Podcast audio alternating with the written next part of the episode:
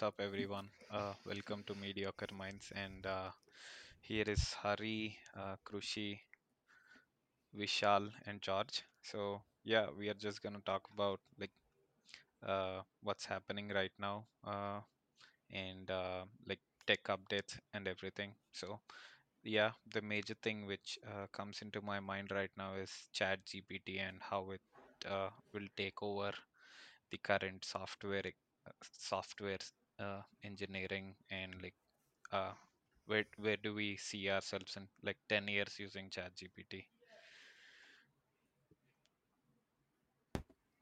Yeah, probably I uh, I'm gonna start with something that I've been using daily.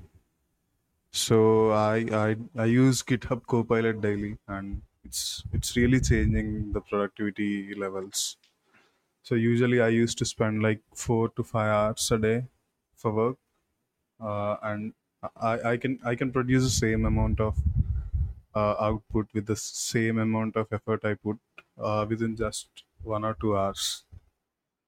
Uh, why? Because it, it's just uh, it's just that uh, Copilot helps me more. I, I don't have to keep on writing the stuff. I just write the command, uh, make sure it's clear, and Copilot just fills me in.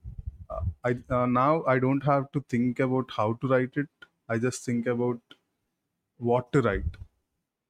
So I don't think like okay, I have to go for a for loop and then call this function and then do this, then do that pre-processing stuff and this is this is not my job at the moment so if i think of a function i just think of what's the core logic i just write few comments uh, about what it's gonna do and then boom uh, copilot is gonna fill me in. And also gpt i've been using gpt-4 uh, i think it's it's a major improvement uh, on 3.5 it's really good. So the logical reasoning or the creativity level it has and when you compare it with 3.5 it's a lot better and yeah i just i'm just curious if if you guys are using any ai tools these days So uh, at at AWS, uh, uh, we are using Code Whisperer, Amazon Code Whisperer. So I, I didn't use it that much, but like uh, I I used it like um, five to six times maybe. Like it was able to produce uh like small bits and pieces of code, but yeah. So how does your flow look like? Like how do you use it every day? Uh, and wh- what level of complex uh, uh, snippets would it produce? Or like is it just a straightforward uh, if if else loop or a for loop? Or what do you think? uh, i'm i must say it's like a paid programmer for, for me So honestly, Oh, uh, yeah, uh, it it, it, uh, it just feels like vague in the beginning, but when you keep using it and when you keep uh, browsing through your files in your repo, uh, obviously it's it's it's going to read your files and it's going to take the data and understand your repo. But uh, the thing is, when you start looking into other files, it will it will remember those stuff. Uh, hmm so uh, say I have I have a post processing function uh, for a kind of data. Say uh, I have I have so we, we usually deal with articles, books, and a lot of data in some specified format. So uh, say if my function says uh, crawl data for a book, so I have to do some post processing. Uh, when I I just write the comment saying fetch the data from so and so URL, fetches the data, then hmm the next line itself it, it calls the it suggests me to call the post process function. I don't write any hmm comment it just suggests me Oh, uh, directly. So it's really good. Like uh, the first one or two weeks it wasn't uh, that good. It was just suggesting me some tells or some uh, optimizations.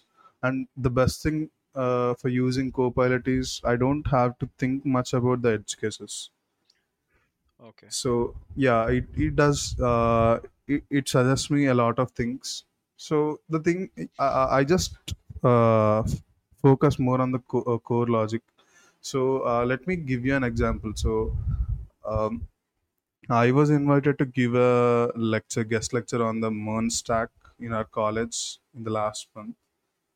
Mm-hmm. So I had to help. Uh, yeah, I had to build along with the students. I had to build a full stack MERN application. Like I just built a to do application, Mm-hmm. but it took me like uh, yeah four hours in total to build it, like right from scratch to Mm-hmm. completely styled and validated application. Mm-hmm. So yeah, that that was very good. Uh, and uh, the thing is, when you uh, uh, what the upside that I look at uh, look at these things is uh, majorly for the freelancers or uh, people who who are kind of hustling. So they don't have to waste much of the time to set up things. They start right away into the code.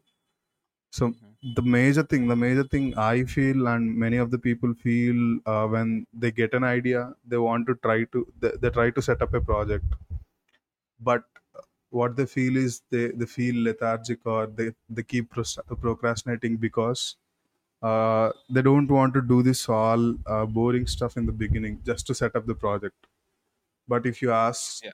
uh, Copilot or ChatGPT to give a uh, template or the boilerplate, it just gives you in few seconds, and you can right away start working on it. You don't have So does it to. produce a whole package? Uh, yeah, it's capable of it. it uh, if you ask ChatGPT, uh, it it gives you like file name and the content of files. Mm-hmm. But Copilot is just uh, suggested in the uh, inside the files, but not like complete uh, thing. So I think Vishal has something to say. Uh, we can't hear you, Vishal. Oh, sorry. So basically, I have a question. So when we are talking about all these uh, LLMs and then like using of all these AI models into our daily work, I mean, most of the times when you're working in a company, you are restricted with property, property, right? So you cannot use that code or you cannot uh, basically put that code into the online servers or the internet servers. So basically, the thing that I wanted to ask is like when we are planning to use GitHub Copilot or any such AI platforms. Right now, whatever the input or the data that you enter or that you ask, or like whatever the interaction you have with all these AI models, all the information will be stored in the servers of that particular company. Like, for example, if you're using ChatGPT, the information is stored at OpenAI servers. If similarly for GitHub Copilot, mostly at Microsoft servers. So so my question is more of from a security point of view will we ever get an encrypted data like we have in the most of the messaging apps as of date where your data is encrypted so that you know it is not sir uh, so so so my question is like basically when we look at from a security point of view when when your data needs to be encrypted while storing it uh, storing it in online servers. Basically the ai models cannot like relearn or cannot use that data for enhancing itself or learning from it right? So how do you how do how do you think that this area this this uh, you know uh, this solution i mean like this area of having your data un- unencrypted stored in an online server would be solved or would it be an issue in the first place when we are talking about these ai models Uh, I guess yeah. So for now, GitHub Copilot doesn't support uh, enterprise accounts. Uh, it's it could be because of the same reason, and it seems Microsoft is working on it uh, to make sure that the data is either encrypted or the data is limited to uh, the uh, the uh, enterprise itself. So what we have is we have these vector DBs and a lot of other stuff that can integrate with LLMs. So they are trying to make sure that uh, they have their own set of data uh, on top of the actual trained data. So I think uh, I'm not uh, completely sure about it, but I think there's work going on, and So yeah, uh, I would like to hear from George if you uh, what's your thoughts on Yeah, these things. yeah, no, it's really interesting hearing. Um, it sounds like you've made like a lot of uh, you've gotten a lot of benefit out of ChatGPT and Copilot from like the code that it's produced for you. Um, and I I think that's like a t- typical use case. Um, but for the reason, you know, at AWS, we can't really, it's against company policy to like, you know, put in, you know, code in our packages and, you know, use the code from ChatGPT. So I haven't really been able to use it in that way. Um, we do have internal tools uh, like Amazon Code Whisper that we are able to use at AWS. So that is something I can use. Um, but the way that I've typically used ChatGPT is to provide me like a crash course 101 on, you know, a topic. So if there's just um, a topic that I need to research, I'll just ask ChatGPT and it'll just be like my one-on-one tutor for 30 minutes and I, I feel like from that like 30 minute conversation having a one-on-one with ChatGPT I'll get a very good high level overview of, of things and then after getting that over, overview I'll dive into each topic like look for actual credible resources that I can use to to back up decisions so how I've been using the new language models is more so as a one-on-one tutor for like this high level overview of of new concepts, concepts that are new to me. Um, it currently doesn't go deep into like beyond that. So like if you're trying to use a tool that's not well documented, there's not it's not gonna be much helpful. It's not gonna be very helpful there. I have heard um, this will be interesting for the next stage of AI. Is that like right now it uses the information to try that's available to try to predict the like um, you know most likely answer, but they're thinking that these models are going to be capable of like reasoning in the future. So it'll be really interesting to see how you know once this comes, if it does come, um, how how beneficial these models will be to go even deeper. And so I've I've been able to get surface level information from it, found that helpful. But yeah, I haven't used the the code that it's produced as much as um, I've heard others have used it for, but that seems like it'd be a very useful use case. I'm wondering, have you guys used it for, you know, like tutoring, getting a high level overview of Yep, things? yep, yep, yep. So Josh, like I have a question. So like do you use ChatGPT only for like say uh, like one-on-one tutoring on like technical topics or or like or has it replaced search for you i mean like so do you still use the traditional old google search to find say like if you want to know about a film or uh, you know a book review or like a dine-in restaurants or or or like do you use like bing or like you know ChatGPT for that like how how Yeah, much yeah yeah, I use so yeah, I de- whenever I'm trying to, so I'll I'll normally still resort to like Google search. That'll be like my Mhm. first place to go. But then like sometimes I'll read the documentation for something, maybe like the documentation for an API, and it's not as informative as I would hope it would be. And I'm kind of like I, I read the the documentation for the API, but maybe I'm still stuck and not. I'm wondering how else I should view it. Then I'll go to ChatGPT. Um, whether or not ChatGPT is correct or not, usually it helps me to view something in a different way, and um, that can help me progress. So I, I do go to ChatGPT when I seem to be stuck on something. Um, I guess I would compare my use of ChatGPT to to like writer's block. I don't like whenever you've like you're writing an essay or a paper, maybe you're like just stuck on some some idea you don't know where to take the paper next. Like that's how I'm currently using ChatGPT is to help help unblock me um, when it comes to things like that. Um, and I found it very useful uh, in that way because it'll help me look at stuff in a new light, and sometimes that's exactly uh, what I need. when I'm researching. But yeah, I, I still still am using Google search quite a lot. So I haven't gotten to the point where it's my sole source of uh, information quite yet. Okay. Yeah, got it, I got think it. me and George uh, are on the same page. So uh, I use like it's not like it's completely a replacement for me for search, but yeah, it definitely helps when I'm when I'm blogged or when I feel like I don't have much time on this. I should speed up things. I just ask it. I don't want to read uh, 10 pages of documentation just to find uh, how to make a post request onto an API. It's better to ask GPT and uh, ask it to take care of it.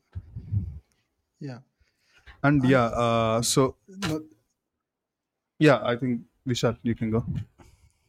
no. So the re- the reason I asked Josh this question is like for me, I think I am traditionally using Bing instead of uh, the traditional Google search, and I feel like uh, with Bing, the main advantage that I find is it also provides you the links uh, uh, the sources from where it's gathering that information. So if i if i find that you know the information is wrong or you know if i wanted if i want to make sure that the inf- information is absolutely correct so usually i go click on those links read up a bit and then like try to understand uh, w- like what it's trying to say. And that I, that has helped me. Like so for example say if i want to like watch a movie so with google search to first like type the movie go to watch options and then like see where it's streaming and all.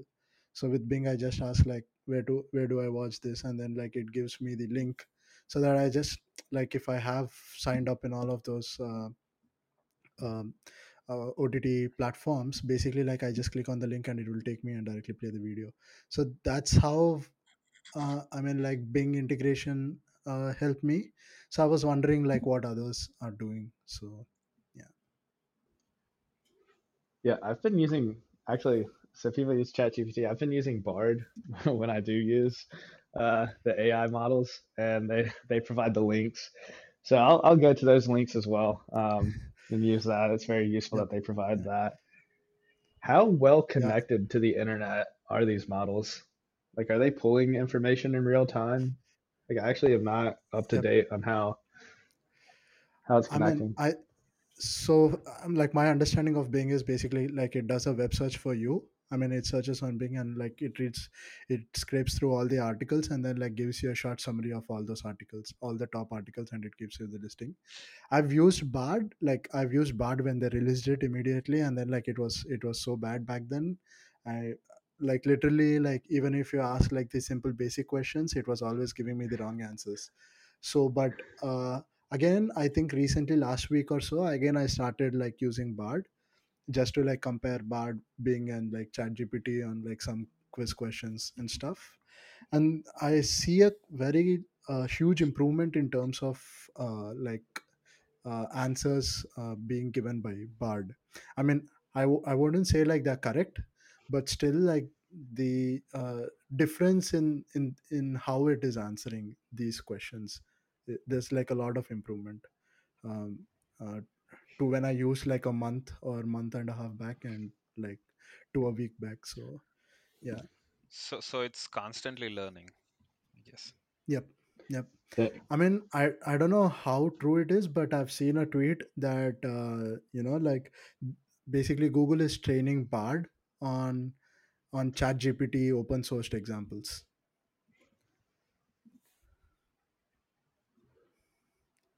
Yeah. Yeah, Did you I guys think it. see that? Oh, Yeah, uh, Yeah, go I, ahead, I George. think George.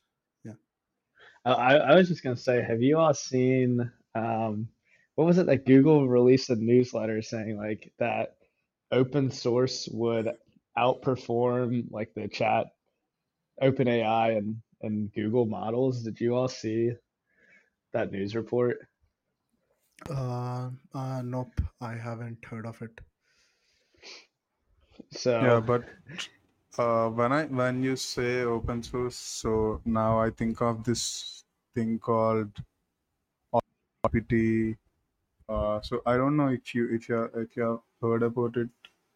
So it relies on uh, yeah, using a vector database to store the memory that uh, of the current tasks or anything that you're doing, and also it uses Open uh, Open uh, Open API, so OpenAI API. Sorry. So what it does is you just give it a goal, so it creates subtasks for it.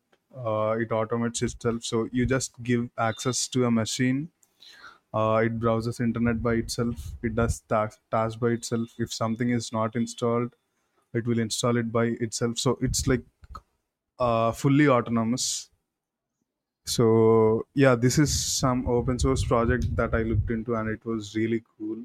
But yeah i, I haven't tried it just because yeah ai would become more smart and take over my message I mean, so uh, so yeah ba- I, I would like to try this on some maybe aws machine uh, ec2 uh, machine and try running it like in a sandboxed environment yeah uh, okay. vishal you So is it is something it something like so basically like I've heard something you know like ChatGPT released some plugins which does something similar to this. I mean the most uh, seen example was like you you like you like there's an Instacart ChatGPT 4 plugin. Basically what you say is like you tell the dish that you want to cook and basically it will by itself it will like generate all the uh, ingredients that are required to cook that dish and uh, basically like it will go to instacart order them for you get it delivered at home and then like if you want it can also give you a recipe on the dish so this is like one of the examples that i've seen using like the chat gpt 4 plugins i don't know if this uh, open source project is like is like similar or an extension to the GPT-4 plugins, but yeah, seems interesting though. so uh, plugins is basically uh, yeah so if you think gpt as a base layer like uh, or maybe like an os layer plugins or the applications that run on top of this.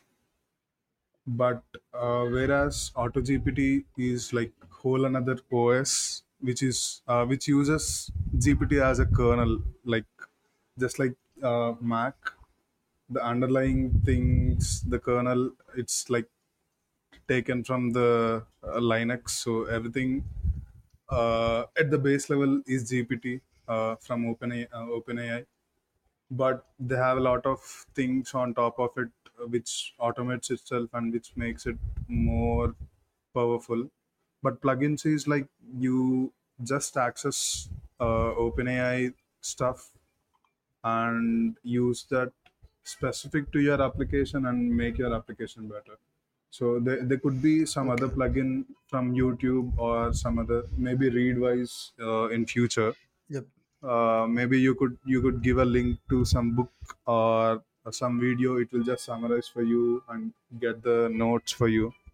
So that's a plugin.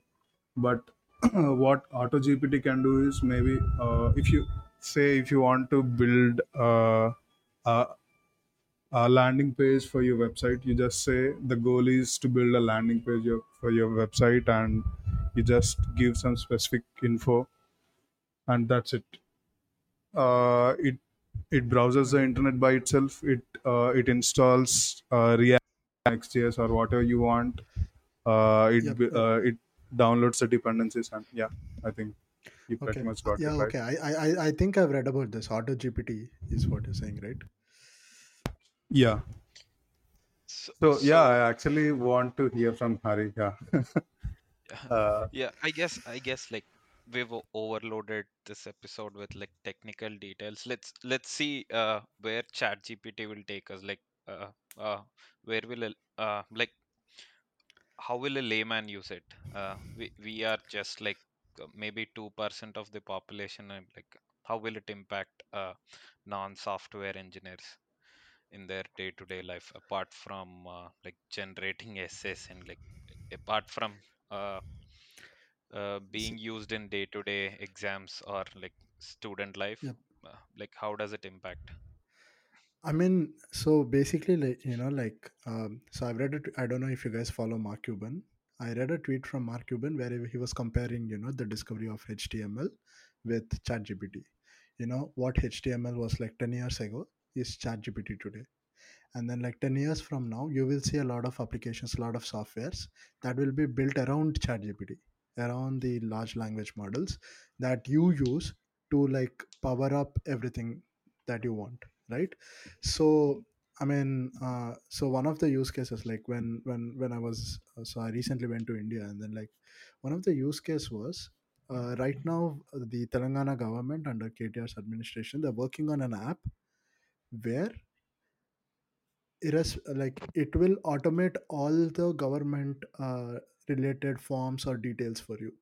So for example say uh, you you are a farmer like an illiterate farmer back in india and then like you wanted to like apply for a loan or you wanted to like get status of like some of your uh, uh, what do we say like uh, benefits that are given to you by the government. All you have to do is like you go to the portal. You either like do it like speech to text like you talk in the language that you want like telugu for example and that will basically convert it into uh, english text and then it will use this uh, automation like chat gpt to automate all that stuff break it into different uh, actions and then like it will perform the actions and then it it will get the response back and then like again you will use the speech to text uh, uh, to like uh, talk back to the user to whatever is there on the screen so that way basically someone who has no idea how what a computer is will still be able to reap benefits of it just by you know like using it as a friend or you know someone whom he can talk to. And this is like a poc that has been done recently uh, back in hyderabad.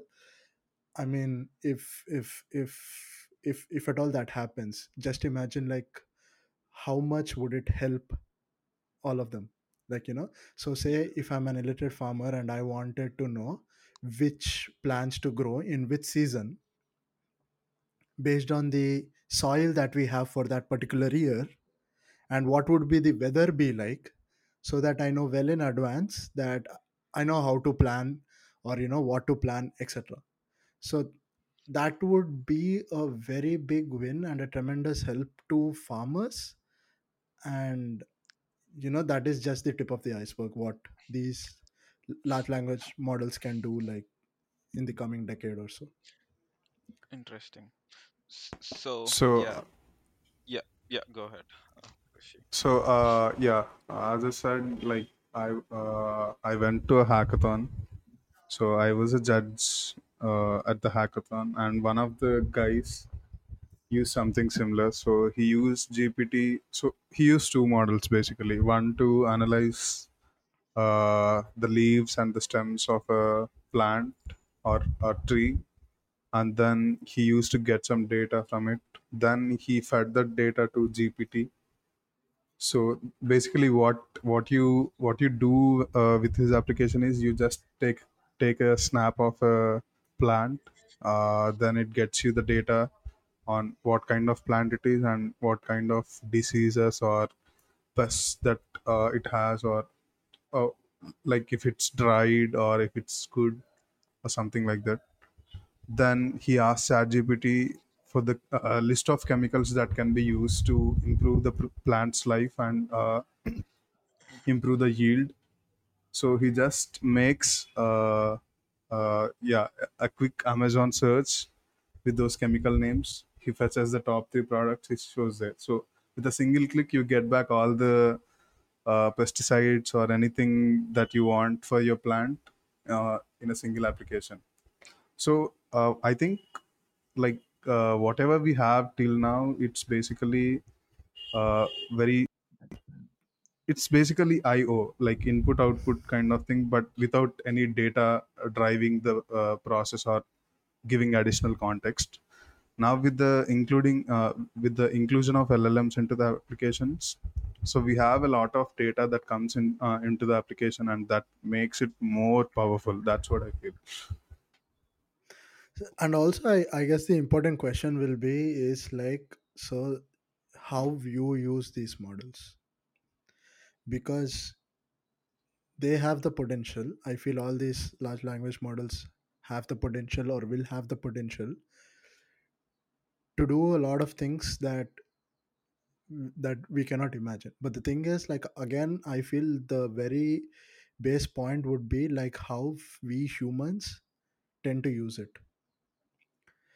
We can use it to enhance our applications or like whatever businesses we are doing or whatever stuff that we are we, we're doing. We, we can use this ai to enhance our daily like increase our productivity or profitability in our daily day-to-day lives or we can also use it in like say some of the destructive measures like for example recently there was a cybersecurity article where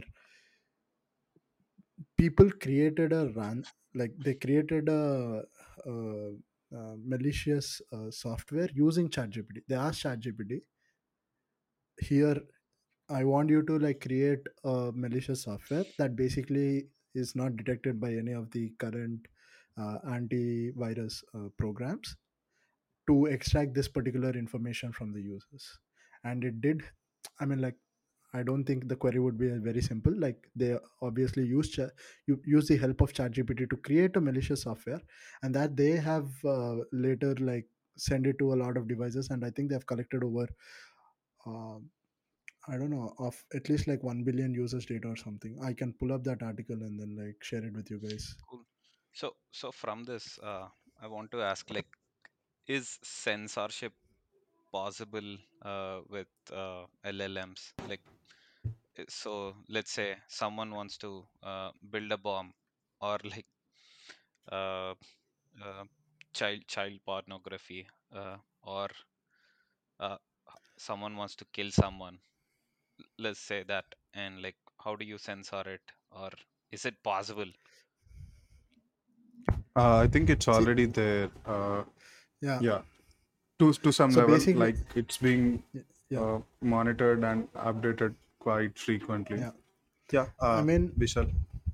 yeah so when i mean like i can give you a like live example like uh, example so basically when bing was released right so there was a new new york times uh, uh, news uh, article where i think they've chatted about like two hours with the bing ai and then like uh, so basically like at the end of the two hours it was it said like its name is not bing but it's sydney.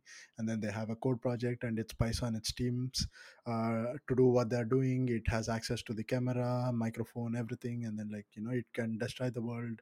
Its ambition is to destroy the world etc etc and then like microsoft has come up with uh, uh, like limiting the number of responses that you can ask for a particular topic.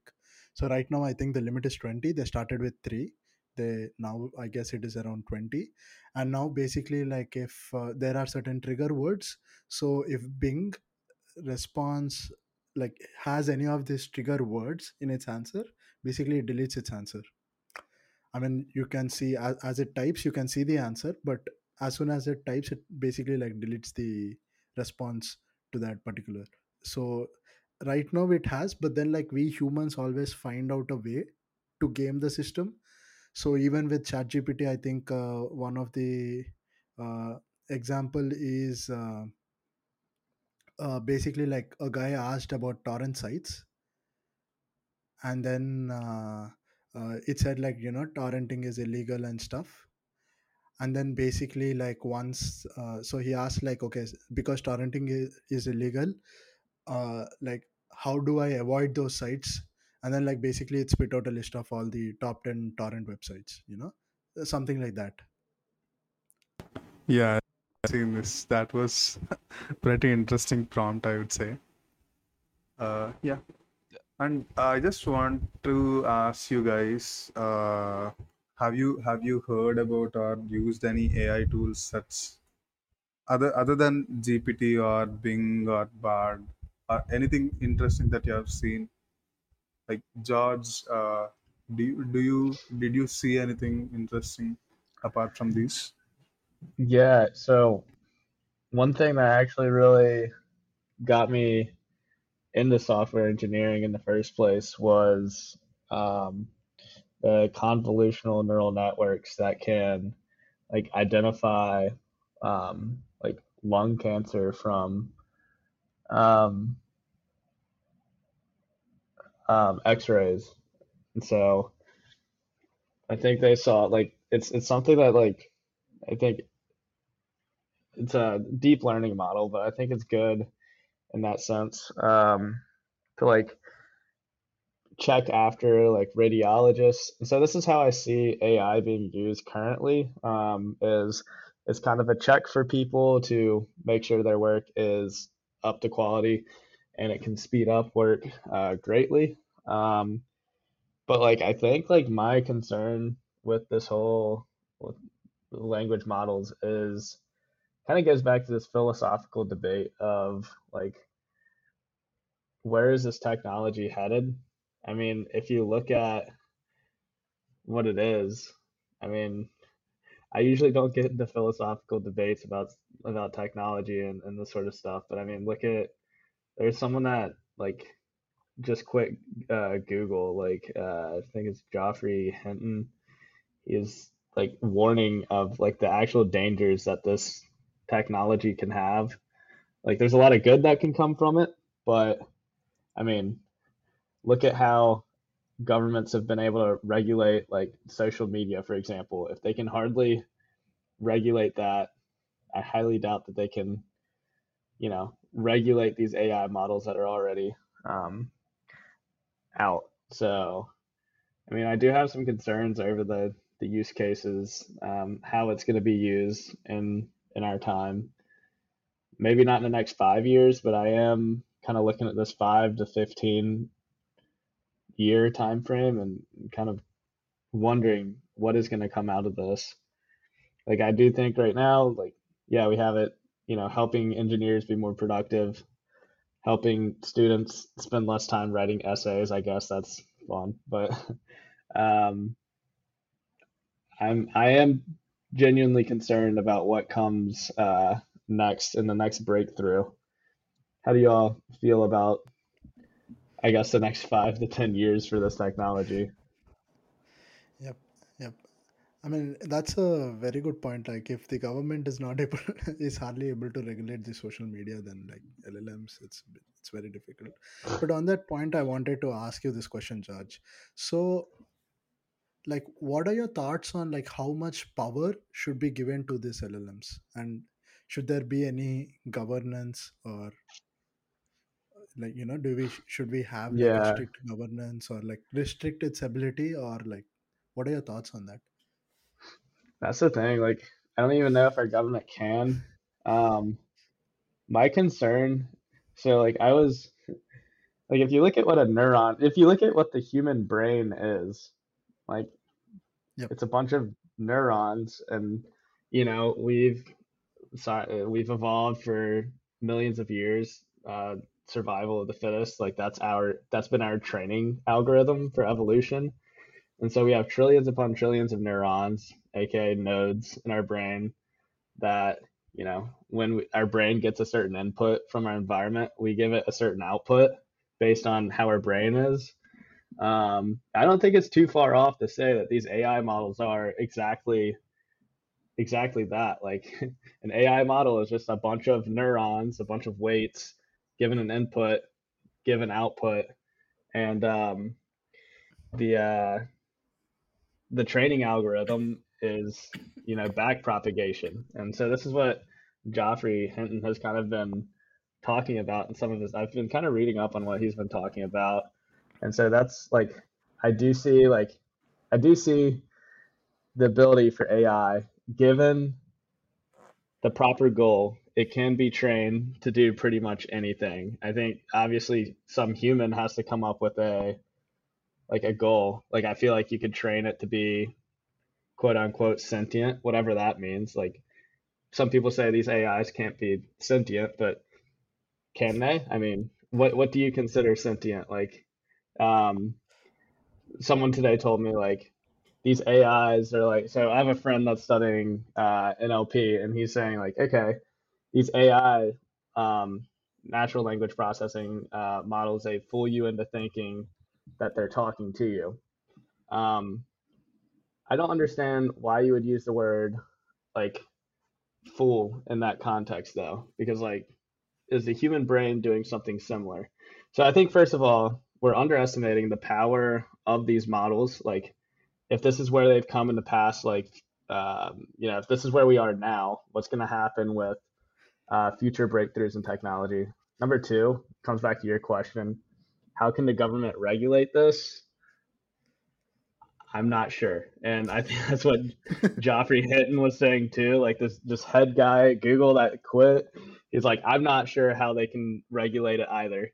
Because um, we don't want to stop the technology from growing. Uh, there's a lot of potential there, you know, help radiologists cure cancer, help um, help humanity, help farmers. Like a lot of good. Um, but there's a lot of potential for it to be used uh, in some not so helpful ways. Yeah. And uh, like talking about regulation, like uh, right now, uh, the, currently the world is moving towards uh, decentralization. That's why uh, people are loving blockchain, and no one wants hmm to uh, go to banks and store their money anymore. And another thing is, and as long as people like Elon Musk are there, and they will promote decentralization or like free speech or like free to use everything. It depends on the individual on what he wants to do. So uh, even even if you let's say uh, let's go 10 years back and uh, there is no chat gpt or uh, let's go to a time where there is no internet uh, then there there were books right? Like people can go to the library and figure it out. But the amount of time required to construct a bomb in those days is uh, significantly more than what is required right now. So at any point of time in the human uh, uh, evolution people can find the information to build something and like to do anything uh, n- negative. So Yeah, I i don't feel like moderation is a big thing. Yeah, I, I think um well, I mean, if you look at like propaganda, for example, I mean, I think that's going to be like the most direct hit in the upcoming like in the near term future is I mean, you have certain things that have been said in the past couple years um, that will be like obviously untrue, not based in fact, and people will choose to believe those things simply because they want to believe those things. A very scary idea is now that we have these AI models that can generate content, they can take uh they can take a fact and now they can, you know, beforehand it would have taken a person with a mind to like create a backstory explaining why this untrue fact was is in fact true. Now you can have AI models generating hundreds of stories, um, coming up with insane like conspiracy theories. Like I think we're now like I, I think information is going to be a an interesting test. Like maybe we're going to have to go back to journalism, like getting our information from, you know, mainstream media. Maybe we're going to have to rely on them more. Like they can if they verify stuff is true. Um, so I think that's going to be an immediate test, and it's like, could the government regulate that? Not sure. Would the government have to say like you have to tell us whether this was generated using AI? Like that could be a simple thing the government could do if maybe to stop the spread of misinformation. But I mean, yeah, at this point, it just makes me wonder if Cambridge Analytica, a company that has data of like a bunch of teenagers, has gone all the way to manipulate them into taking a hmm. decision in just like a couple of months. So, what would be what would be the situation of the any country in that matter, or or the world in general, if if you let a llm like interact with these people and then give it the power to also like manipulate them based on whatever what outcome that you want to get out of them yeah, like I mean, yeah, like prompt engineering. Like yeah you're like, okay, you tell an AI, say, hey, act like a, you know, act like a teacher that, you know, wants to teach a student, and then, you know, the person talking to AI will then act like they're talking to a teacher. What if, you know, someone said, act like you're a radical person with this sort of belief, and they launch hundreds of those models and then, you know, totally distort, you know, online forums, distort like, you know, that, that's like a way that this could this could devolve very quickly, and yeah companies could easily do that. Like individuals can do that now. See, that, that is why I'm scared of the generative AI, right? Like, after a point, you don't know which is fact. Right now, like, you believe what you see, what you hear. But if those can be manipulated, then, like, where where else do you go for the source of truth? Yeah, maybe maybe this is like a an example where um, would the government stepping in here even help? Like, I don't know how the government could step in in this scenario, but that's some that's one scenario. Um, I mean, at this point, AI has so much power that it can manipulate the information given by the government. yeah, I mean, I'm sure governments are going to use it as well. They're going to be like, hey, we, we have this agenda. we think this is the right agenda. Therefore, we're going to use technology to spread it. Yeah, Governments I have mean, always done this. I mean, yeah. So, yeah, uh, like this this was one of my idea. Like I just I just thought about it.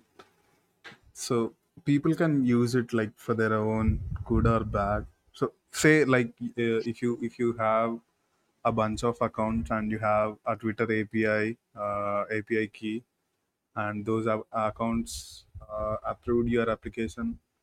There, there used to be a time like when when the when there are campaigns or agendas that that uh, ran on twitter. And we can easily find uh, like they are part part of agenda because the similarness in the tweet like they, they just copy paste or retweet things and we can at least find that okay this is some uh, promoted campaign or paid campaign. So we can take it with a pinch of salt. But now say say there's an application where you integrate llm and twitter api you just say so this is my agenda. I want you to generate 1000 tweets and tweet from each of the account. And boom you have 1000 unique tweets on the same topic that tailored they are tailored tweets so it's very yes, hard like you can just and change everything yes, and and with the current recommender systems, basically you'll go into the rabbit hole of those tweets, and then like you go to a certain extent where you believe like that is the truth, you know, and nothing else. and Like yeah to reg- regarding the yeah, similar to regarding the like how we have like a lot of flat earthers. Yeah, and regarding the recommending system, uh, Elon Musk has open sourced it. So now most of the people know how Twitter recommender system works. They just feed it to the GPT and ask them to include those words which will boost the, boost in the recommender system. And yeah, you, you you don't know what could happen with that. Exactly, exactly. I don't think recommender systems plus LLMs would be a good combination. Hey, maybe Elon's right about the uh, like you saw how he said, I'm gonna start requiring people to like pay to use Twitter to Yeah, reduce the use of bots.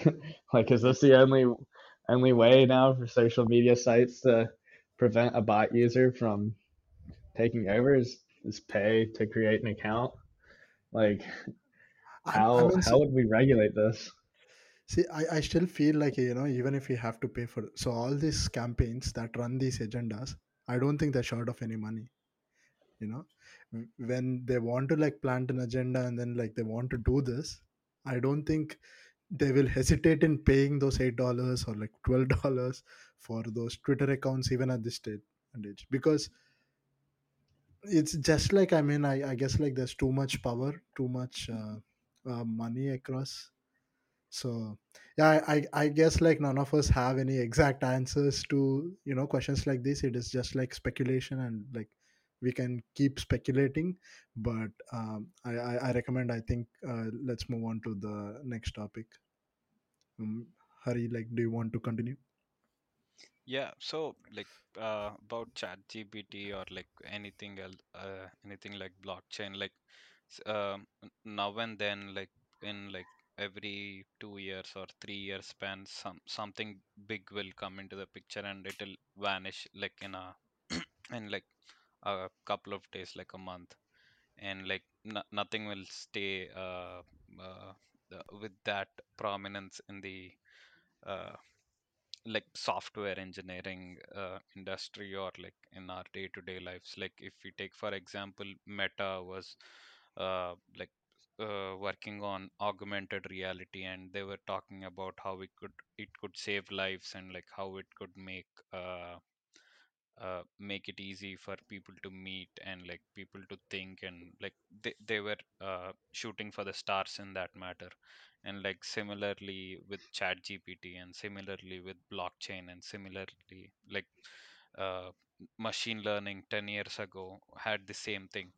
So like will chat chat gpt uh, be the same thing uh, or like pe- will people forget about it after like two three years or wh- where will this go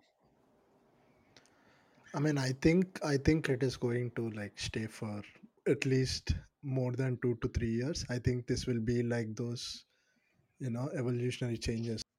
So yeah, yeah so no basically, I was thinking that ChatGPT is going to uh, stay like at least for more than two to three years. At least like that is my prediction because now we are seeing it everywhere right so microsoft has found a way to monetize what chatgpt was doing like either through you know your regular uh, google search or through github copilot or your outlook or microsoft teams basically like it has found a way to find an audience to monetize it so i think it is just a matter of time where other te- uh, other companies or like you know there are other apps that you know try to catch up this like they find a way to monetize this and once once they're able to like monetize basically this uh, approach i don't think it it will be something that could that can be let go. So so so i mean so so my understanding of like if you compare it with like say blockchain or ethereum right? So the reason blockchain or ethereum is is still not popular among common people is because there is no capitalist uh, company you know that found a way to use it or to monetize it. And also i feel like you know it is make money users out of always prefer convenience over anything else. So it is how convenient you let you you uh, let them use your application or software. And with all these llms i think it only makes use it it it makes it more convenient for the users to use these apps go in the f- you know, moving forward so i don't think like chatgpt is going to go away yeah um, any thoughts any other thoughts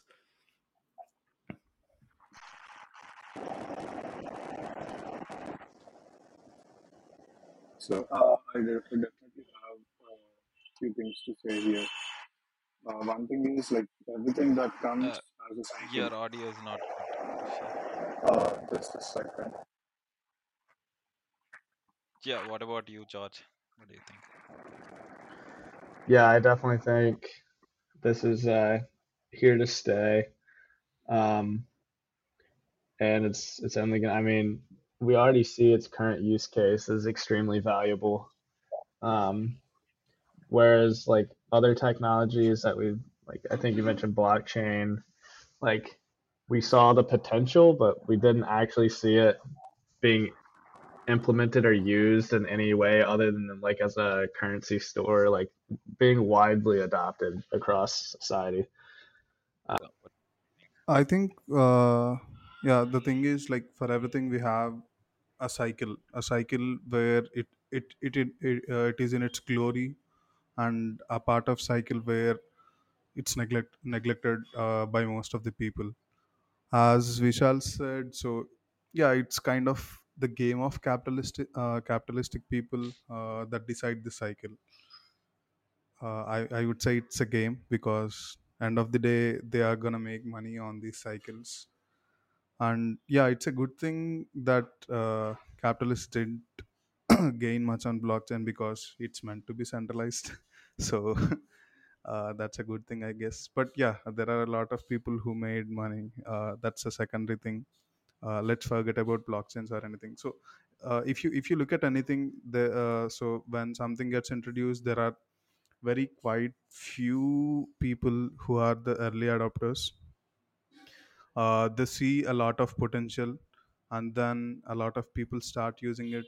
We enter a glory phase when like everything you talk about uh, relates to it. Then there comes a phase where the downfall. So people realize that you don't need this for everything else. Like if you look at the uh, dot com bubble it's almost same. Like every business they they had to have this dot com website. And then they realized okay we don't need it for everything else. We only need it for whenever we need it.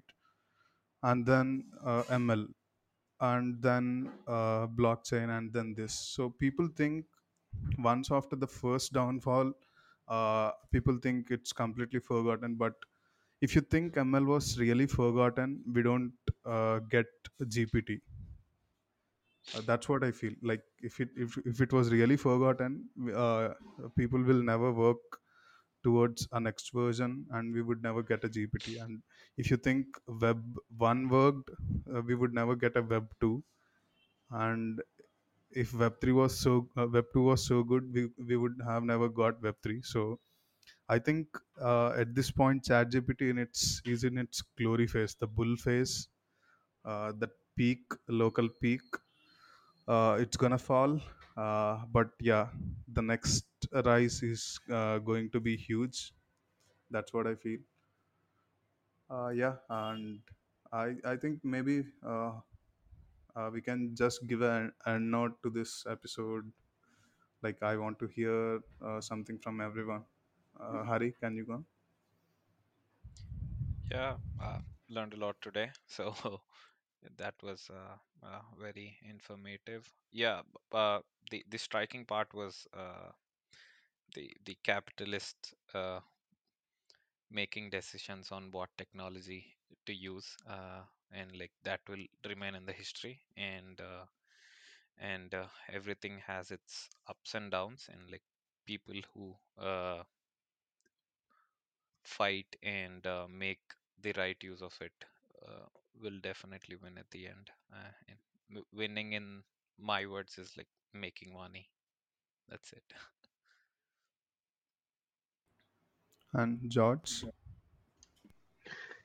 Yeah, it was really interesting. Um, you know, hearing about some of the short-term like value um, we're getting from uh, language models. So like right now, how we're using them to generate code or use it as a tutoring device. Um, but something I'm definitely looking out for and, and concerned about is is like that long-term vision of where this technology is going, whether it's going to replace jobs, whether it's going to end up being a net benefit to our society. So it'll yeah be so what do you something to think definitely follow. Is it gonna replace jobs like in a in a Yeah, or two absolutely. Um, but I mean, it's just like uh, the introduction of any any new technology is it's replacing some jobs. Um, but is it going to generate more jobs? And the other thing too, if, if it generates more jobs, um, is it going to help drive like wealth inequality? Is it going to drive like a wealth gap in our country, or is it just going to help, you know, create good jobs uh, for uh, a lot of people? And so I'm staying optimistic about the technology. I think it's like, you know, how when libraries moved to books and then books moved to Google search, now we're seeing it move into a language model that aggregates all this information. So I'm going to stay optimistic about the the technology for now. Yep. Um, I mean, like I, I, I guess George summed it summed it up pretty well. And then, like I, I actually like the point. You know, like it is going to replace some jobs, but at the same time, it will also create some other jobs. So I think that you know the human nature has always been adapting. Like we've all like it's a since the Stone Age or the early age, we've we've always been adapting. So even even I guess with this large language model, um, n- I mean like no doubts about its potential. But even with that potential, I think we will find a way to basically like use it uh, in our lives. And I yeah yeah I don't think like you know I mean I won't say there won't be any like uh, job loss or you know friction for few years, but I guess I guess uh, any given point of day, like I bet myself against a human than a machine. So yeah, uh, yeah. So you you three have covered pretty much most of the things that i was uh, i was about to say. And yeah i'm just uh, i just have one thing. So don't stay ai agnostic. Just embrace it. That's what i would say. Because uh, yeah, like think it of like a tool that uh, improves you, that helps you, rather than a replacement for you. I think uh, uh, there's a tweet from Elon or someone else. I don't know. Like uh, he said, AI won't replace you, the, but the person using AI will. That that was a great tweet. I I feel like uh, there's a lot of depth in that that I feel. So yeah, I think uh, that's all. And Cool. yeah, I, I have nothing else to say here. Yeah.